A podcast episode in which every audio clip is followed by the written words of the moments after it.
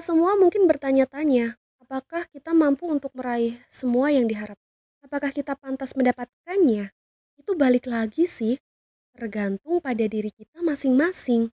Bagaimana penilaian tentang kemauan kamu untuk menjadi kenyataan.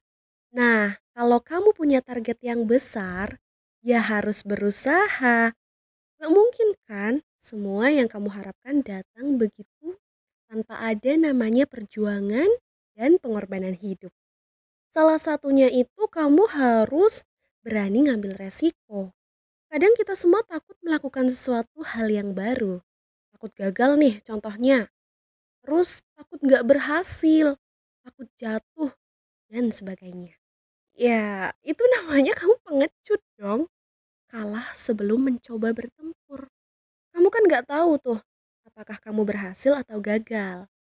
Tapi kenapa harus nggak percaya diri? Ya memang sih, ketika kita berada dalam kondisi yang sulit, mungkin sangat sulit untuk mengambil sebuah keputusan. Apalagi posisinya keputusan yang cepat. Tapi ya itulah yang namanya resiko. Tanpa sadar, kamu telah bermain dan berkenalan dengan yang namanya resiko. Jangan sesekali menjadi pengecut dengan cara melarikan diri dari sebuah masalah. Apalagi jika kamu adalah seorang laki-laki. Gak lucu lah kalau dicap sebagai banci.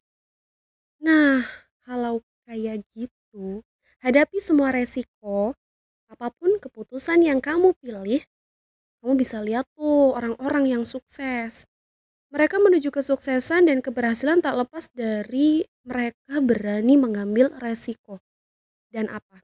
Gak instan lah. Kalau udah gagal nih, coba lagi. Ya, gagal lagi. Coba lagi. Ya, gagal lagi yang ketiga kalinya.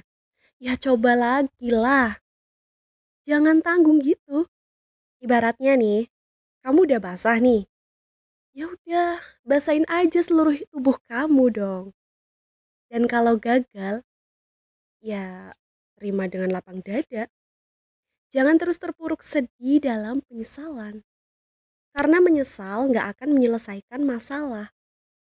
Bangkitlah guys.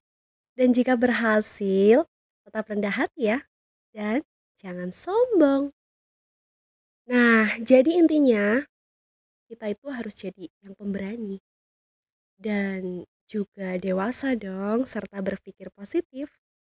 Dan inget loh, kualitas kamu gak kalah tuh sama orang lain.